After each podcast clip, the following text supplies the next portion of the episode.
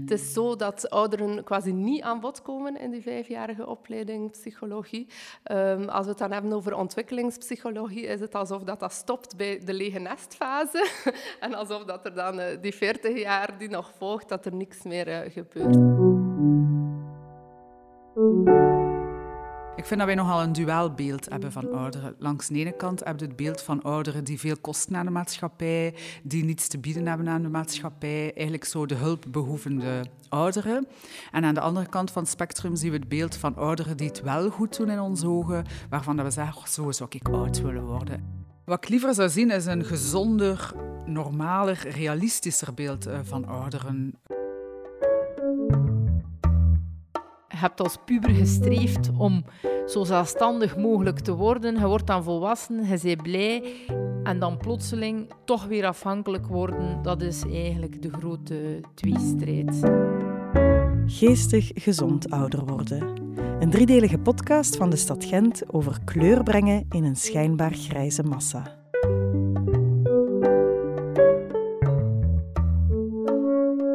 Aflevering 2. Het is beter voor haar en ook voor mij. Hier, Gauke. Kom eens stijgen. Nee, nee, kom je al, mammetje. Kom je al. Wacht. Wacht, maar ik moet eerst hier nog andere koffie in zetten. Hè. Dat is goed, schat. Doe het met. Gauke, kom. Allee, één, nee, nee, je moet die afduwen op uw zetel. Op mijn Ja. zetel. Ja, allee, 1, 2, 3. Hop, hopsakee. Allee, mars. Links, rechts. Allee, voilà, zeg. Hugo is een eh, man die in de assistentiewoningen woont op de site waar dat ik werk. En hij woont daar samen met zijn vrouw Gabi, die ehm, dementie heeft en eigenlijk al vrij ver gevorderd is in haar proces. En wat is dat? Kijk, ga hier zitten. Wat is dat? Er schiet niks meer over, als ik het zo mag zeggen, van mijn vrouw, gelijk als het vroeger was. Niks. Ongelooflijk wat dat die man, eh, die zelf al niet meer 3x7 is, toch elke dag verwezenlijkt. Er moet niemand met mij geen kompassen hebben. Nee, ik, heb, ik, wil, ik wil dat niet. Ik ben ook blij dat ik het kan doen, dat ik het nog eh, fysisch, ik moet ook niet vergeten, ik heb een zwaar gebrek van als ik zeven jaar ben, ik heb een stijf bekken. Dus ik kan, ik, zit, ik zit met mijn één been naast mijn stoel. Ze hebben een grote stap gezet door te verhuizen naar een assistentiewoning. Dat is al een stukje toegeven in ja, hulp die nodig is en zo. Eh, maar eigenlijk draait zijn leven letterlijk 24 uur op 24 rond de zorg voor zijn echtgenoot. Het moeilijke voor, voor mij is altijd, en daar reken ik dan soms ook, soms meestal op zien, dat is, er komt altijd iets anders. Ik durf ook hulp vragen, maar, maar, maar, maar, maar niet rap. Dan heb ik, krijg ik niet problemen met die hulp, maar dan krijg ik problemen met mijn eigen. Dat, je, kunt het niet meer. Je kunt het niet meer. Of, of, of, of, of, je moet het zelf doen, of wat je zelf doet, doet je meestal beter, zegt hij van Dobbit magazine. Eh, die- eh,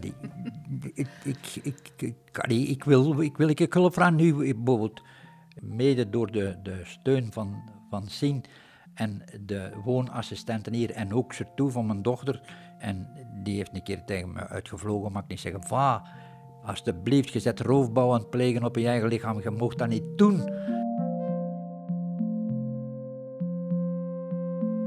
Je raakt je onafhankelijkheid kwijt naarmate dat je afhankelijker wordt en ouder wordt dus. En dat is voor veel mensen een heel grote strijd, omdat dat hangt allemaal af van eh, de jeugd en het volwassen leven dat ze gehad hebben. Hè. Voor sommige mensen is dat geen probleem om hun onafhankelijkheid op te geven, omdat ze altijd het gevoel hebben gehad van dat loopt wel los en ik kan vertrouwen op andere mensen. Maar sommige andere mensen hebben heel hun leven of heel hun jong leven geleerd van eigenlijk andere mensen vertrouwen is niet altijd een goed idee. Ehm, ik moet eigenlijk vooral op mezelf vertrouwen en dan ontdekken van, ja, maar nu moet ik echt loslaten. Dat eh, zorgt voor de tweestrijd. Ja, omdat ik dan het gevoel had, voor, dat was niet dat ik zou twijfelen dat ze er niet goed verzorgen, hè. maar omdat ik, dat ik het niet meer zo aankunnen. Ik kan niet meer voor me zorgen, een ander moet het doen. Het was eerder een probleem naar mij toe hoor. Eh, Er moeten eh, wat is- mij, mij werk laten doen door een ander. Ja, ik zou het nog, nog kunnen hebben, maar ik, ik, kan waar, ik voelde ook eh, dat ik kregeliger werd. En heeft sinds kort de stap gezet, maar echt zeer sinds kort, ik denk sinds drie weken, om maar één dag per week naar een dagverzorgingscentrum te doen. Maar dat is voor hem een bijzonder grote stap. Ehm, de laatste keer dat ik kwam bij hem was de eerste dag dat ze ging. En hij was fier als een gieter, deed hij de deur open en zei, ik heb een verrassing voor u. En ze zat niet op in haar zetel, waar dat ze anders altijd zit, haar vaste plaatje. De eerste uren hier, dat was voor mij in een vreemd land waar ik terecht kwam. Hè. Dat, was hier, dat was hier, maar ik zat een keer alleen. Hè. Dus ik, dat was de eerste keer op, op, op drie jaar tijd dat ik een keer alleen zat. Hè. En daar vind ik het heel schoon, dat proces, dat hij ziet van mijn eigen limieten, mijn eigen grenzen zijn er. Ehm, en dat hij ziet dat hij stapje per stapje toch een beetje moet toegeven om ook extra hulp in te schakelen. Voor mij is dat, eh allee, geeft mij dat mijn ruimte, dan kan ik een keer, keer, keer doen eh, eh, wat, ik wil. Hè. Als ik een keer wil, wil zitten of ik wil op de computer gaan of ik wil, ik, ik wil ik lezen, ik kan dan echt mijn dag indelen gelijk als ik wil, als ik zo mag zeggen. Wat we voornamelijk naar streven, is dat de mensen wel leren erkennen waar dat de problemen liggen en dan de gepaste hulp toelaten. Bijvoorbeeld zeggen van, ehm zou het toch niet zien zitten om een keer wat hulp toe te laten in huis. Een verzorgende die eh, iets komt doen, ehm, iemand die met uw boodschappen gaat doen, zoiets. Hè? Want dat toelaten, dat kan voor hen plotseling weer heel veel vrijheid geven. En het is dat wat ik aan heel veel mensen probeer duidelijk te maken. Die vrijheid dat je nu het gevoel hebt van kwijt zijn, die gaat je terugkrijgen als je net iets meer hulp toelaat. Eh, nu, nu ga ik dat doen omdat ik weet dat ze niet slechter is. Integendeel, dat het uiteindelijk voor haar ook beter is en voor mij. Het is twee keer een win-win situatie. Maar in het begin had ik het er moeilijk mee. Dat zijn ook veel van onze cliënten, eh, mantelzorgers. Mensen die ook het gevoel hebben van ik moet hier niet aan mijn kinderen van alles gaan vragen, want allee, dat, dat zit toch een beetje tussen ons. Ik met mijn man of ik met mijn vrouw. Wij moeten dat onderling toch oplossen. Waarom moet ik daar mijn kinderen bij gaan betrekken of vreemde mensen? Ehm, maar daar loopt soms zeer moeilijk. Hè? Eh, allee, en ik denk, we, we, onderschatten dat soms als volwassen mensen. Allee, als volwassenen die niet ouder zijn, onderschatten we soms hoe moeilijk dat is als ouderen om om te gaan met al dat soort problemen. We denken van, die zijn toch op het gemak. Ze zijn 65 plus, ze zijn op pensioen, ze moeten niks meer eh, doen, eh ça va toch. Maar we vergeten wel dat ze fysiek achteruit gaan, soms, soms ook cognitief achteruit gaan. En dat ze dan met twee zijn die fysiek achteruit gaan. En dan de ene gaat meer achteruit en die andere moet er dan voor zorgen. Dat is niet evident. Hè? Het is al niet evident als je nog jong bent.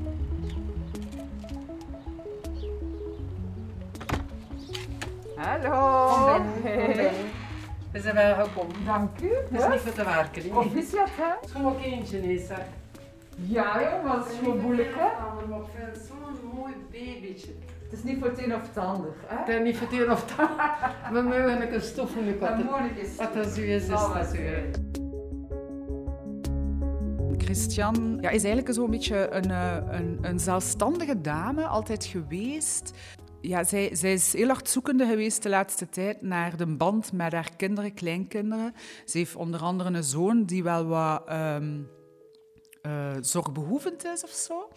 En eh, zo als moeder moet je dat op een bepaald moment wat, wat loslaten. En zeker als je ouder wordt, voelde van ik moet dat overlaten aan de hulpverlening. En daar worstelt ze soms mee. Dus daar hebben we heel hard eh, mee bezig geweest met haar. Van hoe kan ik eh, mijn, mijn, mijn rol als moeder een beetje lossen en overgeven aan de hulpverlening. Bart is nu 46. En dan zeg ik, ja, hij heeft eigenlijk ook terecht om zijn gedacht te hebben. Alhoewel dat niet altijd een beetje een aak stond op het mijne. Ja. Is de moederrol een beetje, een beetje een- een- loslaten. Ja, een uitkeuze van mijn eigen, ja, mijn eigen, hoe moet ik het gaan zeggen, mijn eigen barrière als je. Wanneer ik vastliep en wanneer... Het ging vooral over eh, het moeilijk vertrouwen kunnen geven. Aan uw zoon in dit geval, maar later ook Ja. het verhaal aan anderen Ja. uit uw familie. Hè? Ja, dat was voor u een moeilijk punt. Hè? Kinderen en kleinkinderen een beetje ruimte geven. Ja. Met andere woorden besef ik nu meer en meer hoe sterk dat ik nog betrokken ben met mijn kinderen. Hè. Ja. ja. En Die dat is goed, hè, Alle drie volwassen zijn en Ja. die... Ja. ik wil het beste voor hun. Hè. Ja.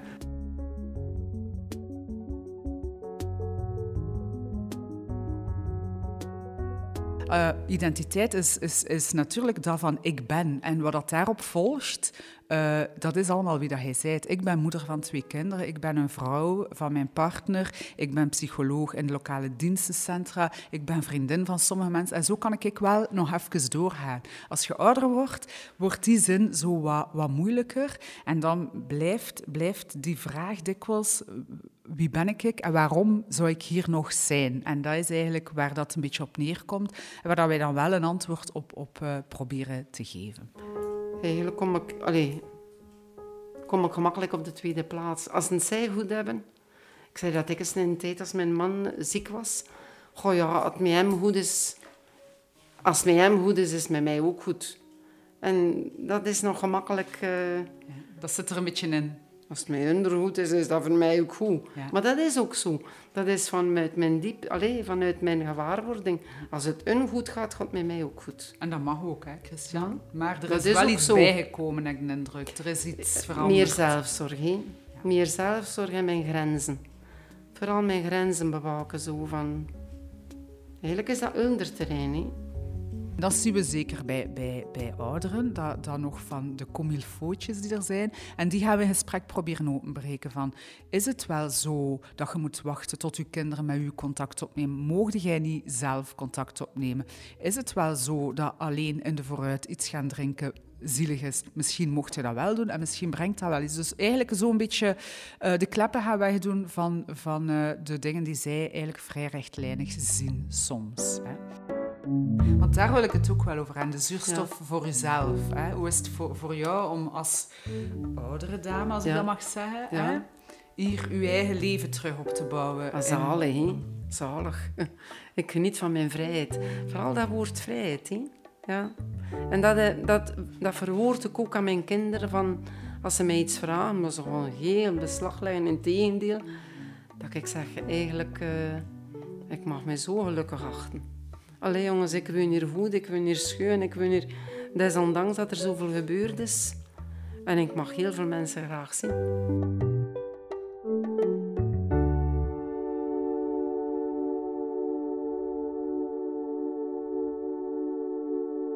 Dit was de tweede aflevering van de podcast Geestig Gezond Ouder Worden. Je hoorde in deze aflevering psychologe Sien Duquesnoy, Els Aarsens en Katrien van de Pitten.